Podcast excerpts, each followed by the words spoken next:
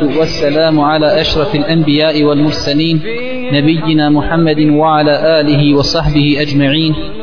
رب اشرح لي صدري ويسر لي أمري واحلل عقدة من لساني يفقه قولي. اللهم علمنا ما ينفعنا وانفعنا ما علمتنا وزدنا علما. يا أكرم الأكرمين. ثم أما بعد. Ovo je naše četvrto ili peto druženje u kojem govorimo o propisima džumije namaza i ono je ako Bog da i zadnje predavanje na ovu temu. U sljedećoj sedmice ćemo početi jedan novi serijal emisija koji će zasigurno trajati duže nego ovaj. Govorit ćemo o propisima džumije namaza što će sigurno oduzeti od nas šest ili sedam dobrih predavanja. Kao što znate, govorili smo u prošlim predavanjima o šartovima, uvjetima koje su islamski učenjaci postavili za ispravnost džumije, pa smo govorili o nastupanju namaskog vremena, pa smo o tome spomenuli argumente, komentarisali, na kraju preferirali jedno od tih mišljenja. Govorili smo također o osobama koje su obavezne da prisustvuju i koje nisu. Govorili smo o propisima vezanim za hutbu i oko toga smo govorili malo duže i posvijetili jedno kompletno predavanje šta se smije raditi u toku hudbe, šta ne smije, šta je dozvoljeno, a šta je zabranjeno. I na kraju, idući tim nekim hronološkim redom, znači prvo namasko vrijeme, nakon toga ovaj hudba i preostaje nam na kraju da progovorimo nekoliko riječi, znači ako Bog da u neki 15 minuta da progovorimo o samom namazu, džumi namazu. Što se tiši džumi namaza, kada kažemo džuma namaz, mislimo na farze. Džuma namaz je sastoji se od dva rekiata. Farzi se klanjaju dva rekiata po konsenzusu islamskih učenjaka. Znači, vidimo u ovom, po ovom pitanju islamski učenjaci imaju jednoglasan stav da se džuma namaz klanja dva rekiata. Mnogo učenjaka koji su spomenuli konsenzus ili jednoglasan stav islamskih učenjaka po ovom pitanju, pa na primjer imam Ibn Munzir, rahmetullahi alihi, imam Ennevovi i drugi, spomenuli su konsenzus, znači jednoglasan stav islamskih učenjaka da je džuma namaz. Kada kažemo džuma namaz, mislimo farz džume namaza, da je dva rekiata. Po mišljenju četvorice imama na farz namazu džume se uči na glas. Što znači ima neki mišljenja drugi, ali četvorica imama, četvorica mezheba smatrali su da je sunnet, sunnet da se uči na glas u ovim namazima odnosno u ovom namazu. Normalno ovdje se postavlja pitanje šta je od sunneta da se uči na namazu. Mi ćemo spomenuti predaje u kojima stoji ashabi u kojima objašnjavaju šta je učio Boži poslanik sallallahu alihi wasallame. Pa tako u jednoj od tih predaja stoji da je Boži poslanik petkom učio suru El Džumu'a na prvom rekiatu, a na drugom sura Tul Munafiqun. Znači prva sura Džuma ili prevodu petak, a druga munafikun munafici. U hadisu kojeg je zabilježio ima muslim od Abdullaha ibn Ebi Ar-Rafi'a. Kaže, klanjao sam za Ebu Hureyrom džumu namaz. Ovaj tabi'in govori, klanjao sam, kaže, džumu namaz za Ebu Hureyrom Pa je Ebu Hureyre učio na prvom rekiatu suru El Džuma a na drugom El Munafiqun. Pa kada je završio Ebu Hureyre, stigao sam ga i rekao, ti si učio na namazu sure koje uči i Alija radijallahu ta'ala anhu u Kufi. Kaže ovaj tabi'in Ebu Hureyri, kaže ti učiš te sure, iste te sure učio i Alija radijallahu ta'ala anhu gdje? U Kufi. Pa kaže Ebu Hureyre radijallahu ta'ala anhu, ja sam čuo poslanika sallallahu alaihi wasallame da ih uči na hudbi. Da ih uči na džumi namazu.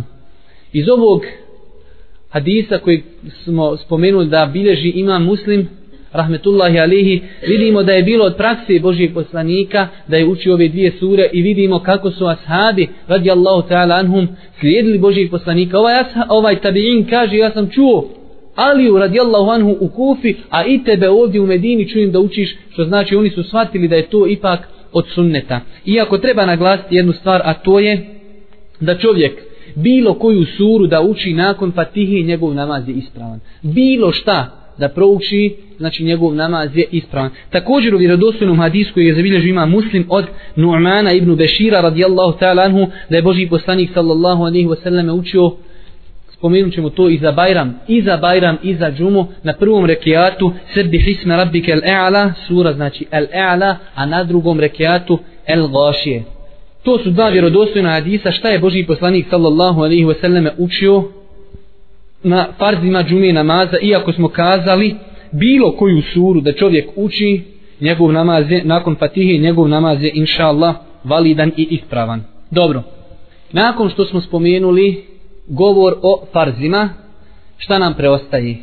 Preostaje nam da spomenimo pitanja vezana za nafilu. I to su pitanja koja se često puta postavljaju ovaj kada je u pitanju nafila nakon džume i prije džume. Pa ćemo početi opet nekim hronološkim redom kako bi to lakše zapamtili. Što se tiče nafile prije džume, Ako se sjećate, mi kada smo govorili o odlikama džume u prvom našem predavanju, spomenuli smo da čovjek može kada dođe u džamiju da klanja tehijetul mesčid, pa makar došao i ranije i da ostane u namazu sve do momenta dok imam dođe i popne se na mimber. To smo spominjali prvi dan kada smo govorili. A ovdje se postavlja pitanje da li imaju potvrđeni sunneti prije džume. Kao što postoji, zašto ovo govorimo? Zato što postoje potvrđeni sunneti prije podne namaza. Pa da li se može analogija koristiti i da kažemo postoje sunneti prije, podne, prije džume namaza kao što postoje u podne namazu. Po ovom pitanju islamski učenjaci imaju razno raznih stavova i mišljenja, ali Allah najbolje zna. Ispravno mišljenje je da nema potvrđenih sunneta prije džumi potvrđenih sunnita. Pazite dobro šta sam kazao, zato što ćemo ovo poslije malo pojašnjavati. Nema potvrđenih sunnita prije džume namaza. Čovjeku je dozvoljeno da klanja tehijetul mešćid i nakon toga da klanja opću na filu, sve dok imam ne dođe i popnije se na mimber. Ali nema nešto kao što postoje potvrđeni sunneti kada je u pitanju podni namaz. Imaju neki argumenti, koji ukazuju da postoje potvrđeni sunneti prije žume namaza, ali ti argumenti su slabi. Ne mogu se koristiti kao šerijatski dokazi. Dobro, nakon što smo to rezimirali, idemo pa govorimo o potvrđenim sunnetima ili sunnetima nakon džume namaza. Po ovom pitanju islamski učenjaci također imaju različita mišljenja. Pa ćemo naći jednu skupinu učenjaka koji kažu potvrđeni sunneti nakon džumije su dva rekiata. I to gdje? Kod kući. Ko želi da klanja, klanja će dva rekiata kod kući. Imamo druge učenjake koji kažu potvrđeni sunneti nakon džumije su četiri rekiata. Ova skupina ima i učenjaka koji kažu da se potvrđeni sunneti, znači nakon džumije namaza, klanjaju šest rekiata. Što se tiče ove prve skupine, koji zastupaju mišljenje da su potvrđeni sunneti nakon džume dva rekiata, oni su zato uzeli dokaz koji je zabilježio imam hadis, koji je zabilježio imam Buharija i muslim od Ibnu Omera. Ibnu Omer, radijallahu ta'ala anhuma, govori o tome koliko je Boži poslanik sallallahu alaihi wasallam klanjao sunneta u toku dana i onda između ostalo kaže Boži poslanik je klanjao nakon džume dva rekiata u kući. Pazite ovdje, on naglašava da su ta dva rekiata bila u kući. Hadis zabilježio ko? Imam Buharija i Muslim od Ibnu Omera. Ovaj hadis je malo duži. On govori kako je klanjao prije podne, poslije podne, poslije akšama. Znači ono te potvrđene sunnete nabraja. Između ostalog on kaže Boži poslanik je klanjao nakon džume namaza dva rekiata u kući. Ulema koja smatra da su potvrđeni sunneti džume četiri rekiata uzeli su zato dokaz. Hadis Božijeg poslanika sallallahu alaihi ve selleme kojeg je zabilježio imam muslim od Ebu Hureyre. Muslim od Ebu Hureyre da je kazao poslanik sallallahu alaihi ve selleme ko od vas želi da klanja posle džume neka klanja četiri. Hadis kod imama muslima od Ebu Hureyre da je rekao Boži poslanik ko želi od vas da klanja nakon džume, pazite, vidite kako Boži poslanik ovdje nije obavezao, već kaže ko želi da klanja, neka klanja četiri rekiata. I argument ovaj koji kažu šest rekiata, to je da je Abdullah ibn Omer radijallahu ta'ala anhu tako uklanjao, ovaj klanjao bi dva rekiata, zatim bi se pomakao, klanjao bi još četiri, pa je kazivao ovako je sunnet Božih poslanika. Islamski učenjaci neki su pokušali da napravi spoj između ovih hadisa, pa jedan od tih učenjaka je šehul Islam ibn Taymi rahmetullahi alihi, pa on kaže, znači nema kontradiktornosti i nema potrebe da kažemo ili dva ili četiri. On kaže, ovi hadisi se mogu spojiti, a inače imate jedno pravilo u šerijatu, gdje se kaže, el i'malu eula min el ihmal. Pa preče je da se radi po svim dokazima nego da jedne zapostavimo, a da po jednim radimo. Kada god možemo spojiti dokaze i raditi po svim dokazima, to je preče nego da kažemo jedne ćemo uzeti, a jedne ćemo zapostaviti. U ovom slučaju, ako bi kazali dva rekiata kod kući, šta ćemo s ovim hadisem gdje se kaže četiri rekiata? Ili ako kažemo četiri rekiata, šta ćemo sa ovim dva? Treba pokušati napraviti spoj, ako je moguće. Ako je nemoguće, onda se prilazi jednoj drugoj metodi, a to je terđih, znači da čovjek odabere jedan hadis, a jedan hadis ostavi. Ali zato kazali smo da je pravilo el i'malu eula min al ihmal zaista je preče raditi po svim dokazima nego jedne ostaviti, a po jednima raditi. Kaže šehu Islam ibn Tejmije, rahmetullahi alihi, spajanje ovih hadisa je na način da kažemo čovjeku, ako ćeš klanjati kod kući, klanjaj dva rekiata onako kako je spomenuo Ibn Omer, radijallahu ta'ala, da je Boži poslanik klanjao kod kući dva rekiata.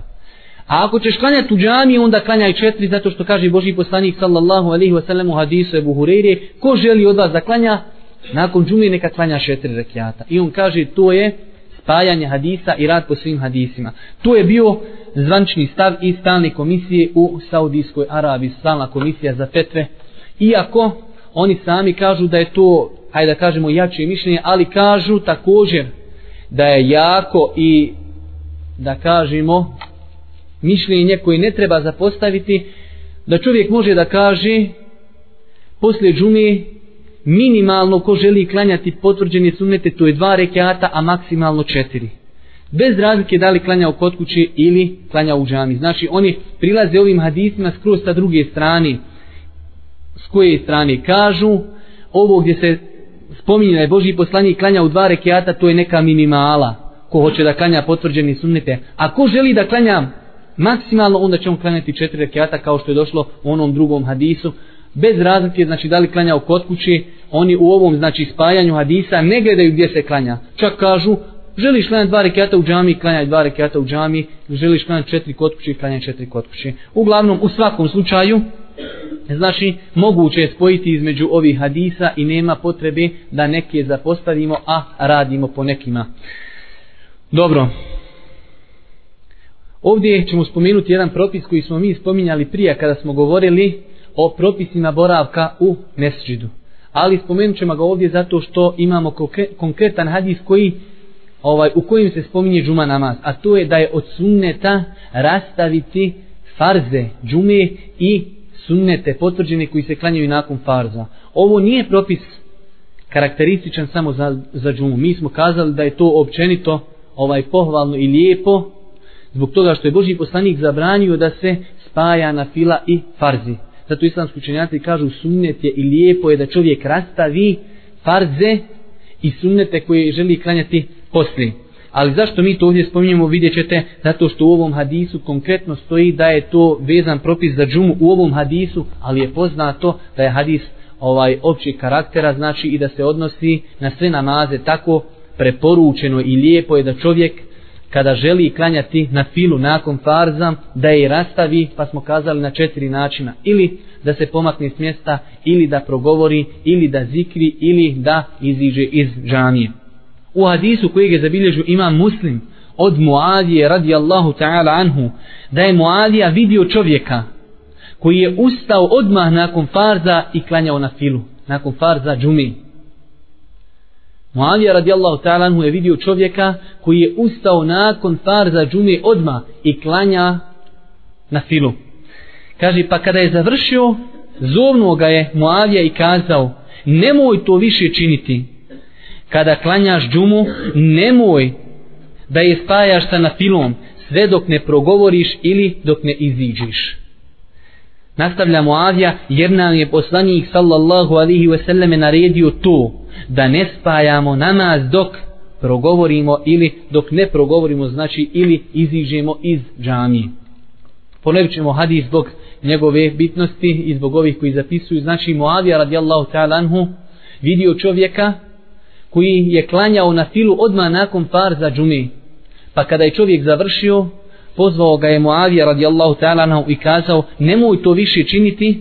Kada klanjaš džumu nemoj da je spajaš sa nafilom sve dok ne progovoriš ili iziđeš jer nam je poslanik sallallahu alaihi wasallam naredio to da ne spajamo namaz sve dok ne progovorimo ili ne iziđemo.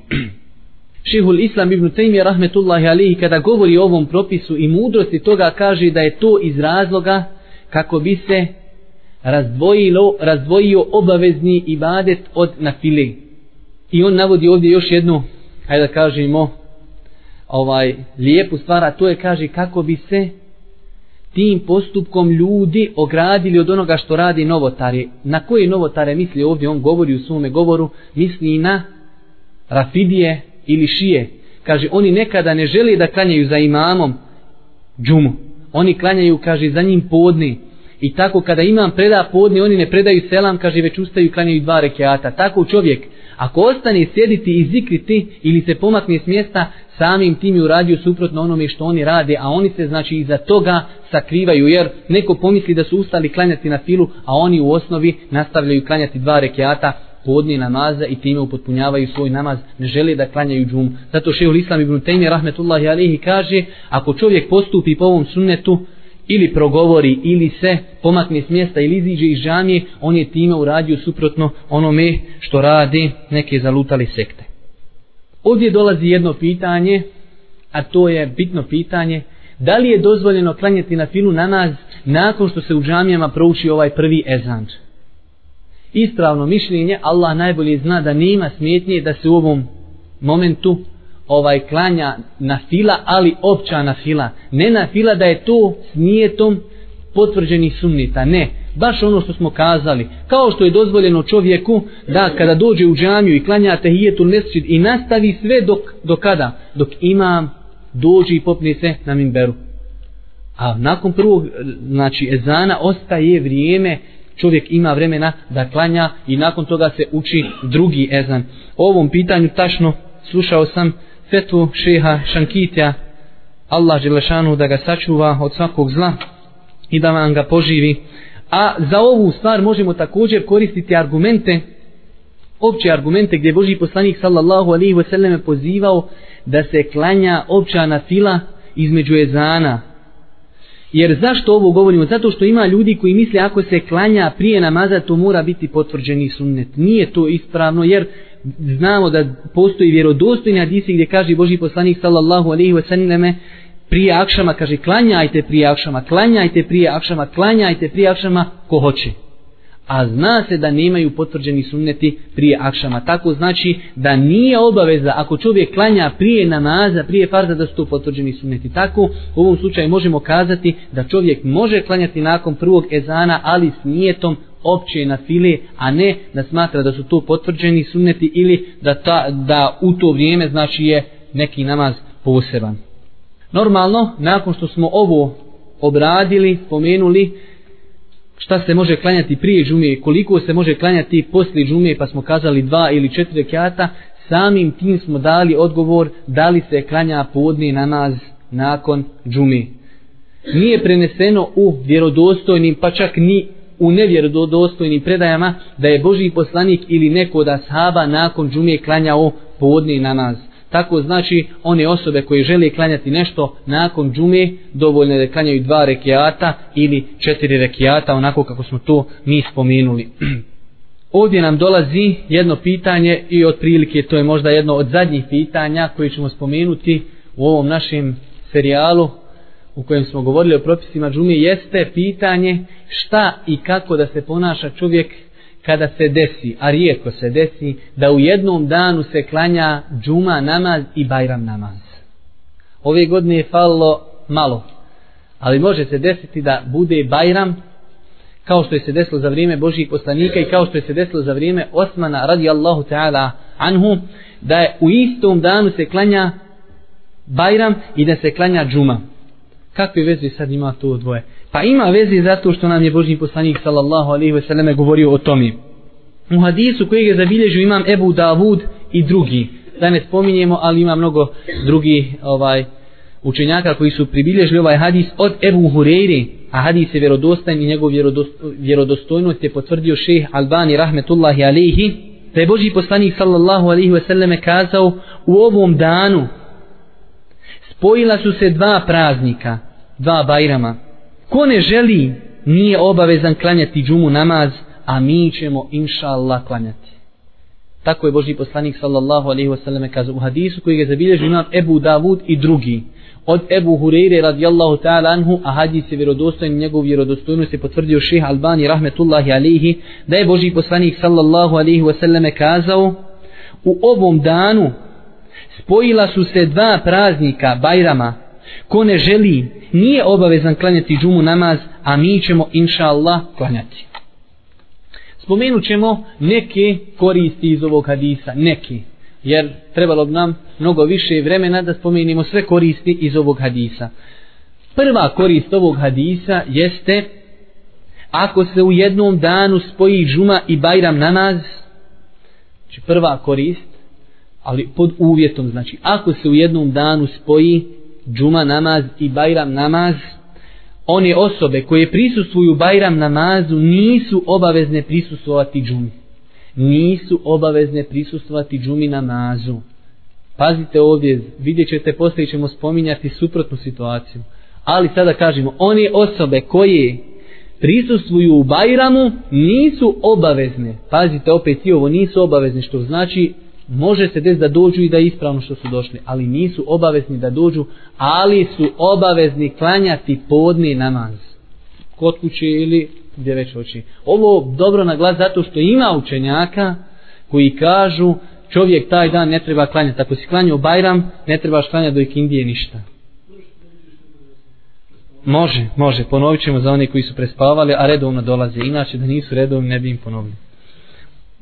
Prva korist Prva korist kapa, to je ta ona, kak se zove jesina kapa opasna u spavlji. Prva korist hadisa jeste da ako se sastavi u jednom danu džuma i bajram namaz osobe koje su prisustvovale bajramu nisu obavezne prisustvovati džumi, ali su obavezne klanjati podni ovo skoro svaka riječ ima svoje značenje, ali vidjet ćete kroz druge tačke će se iskristalizirati ove riječi koje smo kazali. Znači ponavljamo zbog onih koji su spavali. Ako se u jednom danu spoje džuma namaz i bajram namaz osobe koje su klanjale bajram namaz normalno misli se u džematu bajram namaz se može klanjati kod kuće koje ga prespavao ali koje klanja u džematu nije obavezan da dođe na džumu namaz ali je obavezan da klanja podni. Znači, zašto ovo kažem obavezan klanjati podni? Zato što ima učenjaka koji kažu čovjek taj dan ko klanja, ako ne dođeš na džumu, nisi obavezan klanjati podni namaz. Drugi propis i druga fajda iz ovog hadisa jeste ko nije prisustovao Bajramu, obavezan je doći na džumu. Jer ovdje kaže Boži poslanik, ko je od vas pisao Bajramu, nije obavezan. Šta to znači? Oni koji nisu bili na Bajramu, obavezni su doći na džumu. Ali ovdje opet pod uvjetom da potpada pod one osobe koje su obavezne doći na džumu. Nećemo sada kazati žene ako nisu bile na Bajramu, e hajte sad vi žene klanjajte džumu. Mi smo kazali na početku da žene nisu od osoba koji su obavezne dolaziti na džumu. Ovdje cijelo vrijeme govorimo o osobama koji su obavezne doći na džumu. Znači da se desi čovjek iz nekog opravdanog razloga ne dođe na Bajram, u tom slučaju kažemo tom čovjeku ti si obavezan doći tog dana na džumu namaz. Treća fajda, treća korist iz ovog hadisa jeste da je dozvoljeno prisustovati onim osob, dozvoljeno je prisustovati džumi ili da prisustuju džumi one osobe koje su klanjale Bajram. Dozvoljeno. Znači ne kažemo ni da je obavezno, već kažemo da je dozvoljeno. Zato što kaže Boži poslanik, ko od vas hoće, nije obavezan. Što znači da je dozvoljeno da dođu i ako dođu, njihov namaz je validan i po velikom broju islamskih učenjaka i te kako je pohvalno da dođu. Zašto? Zato što ima velika, uči, velika većina islamskih učenjaka koji nisu radili po ovom hadisu i kažu kada se u toku dana petka spoje džuma i bajram kažu obavezan si doći i na bajram i na džumu.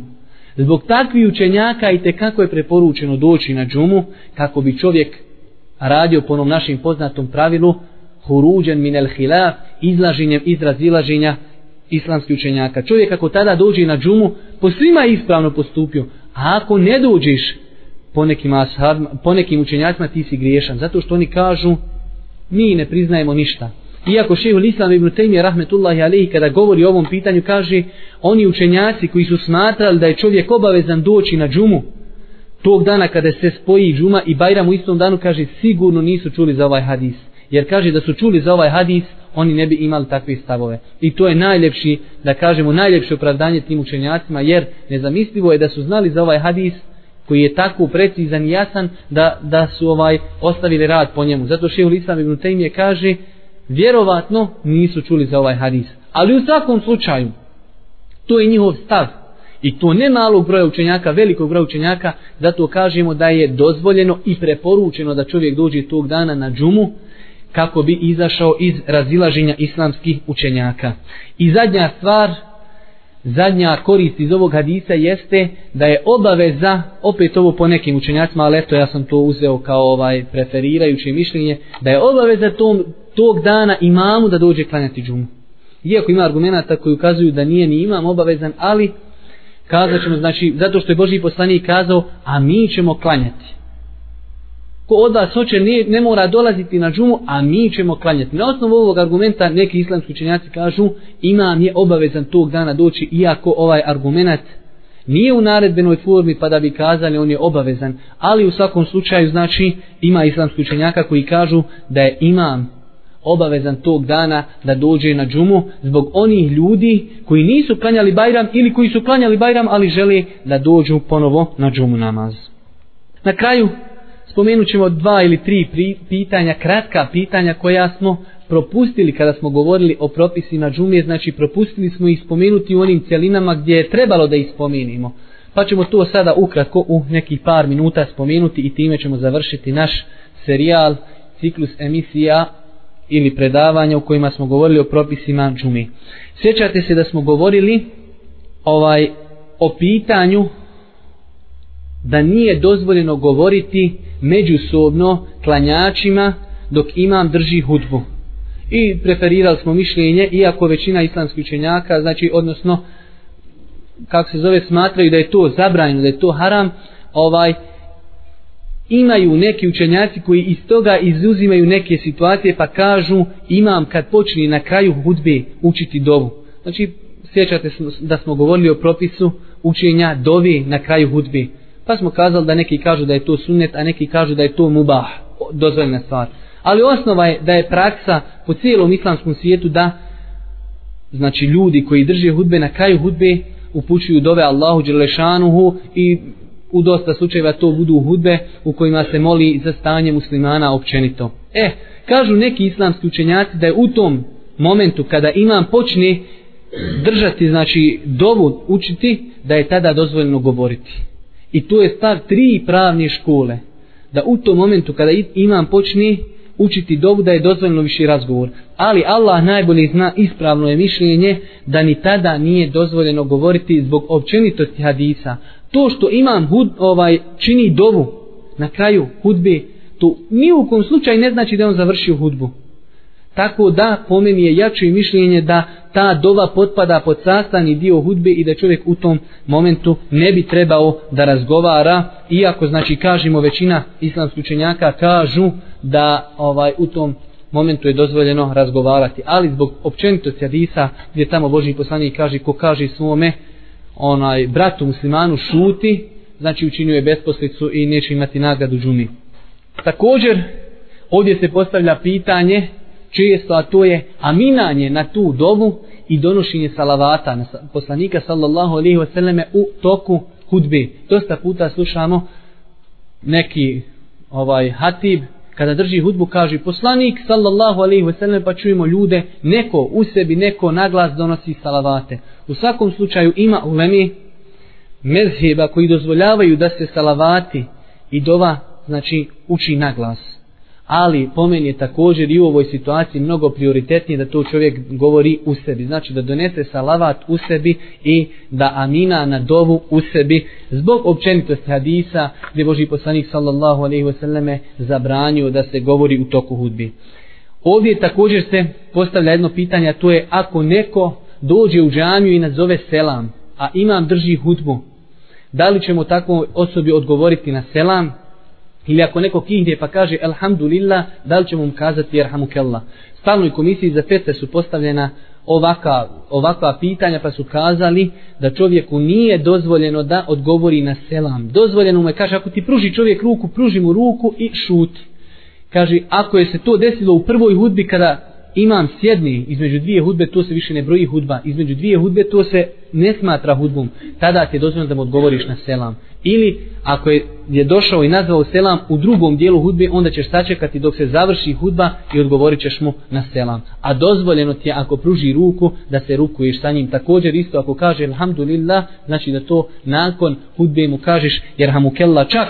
Oni kažu da čovjeku nije dozvoljeno da u tim momentima kada uđe u džamiju i imam drži utbu da naziva selam. Jer poznato je pravilo nazivanje selama je sunnet, ali kada se nazove, onda je to obaveza odgovoriti.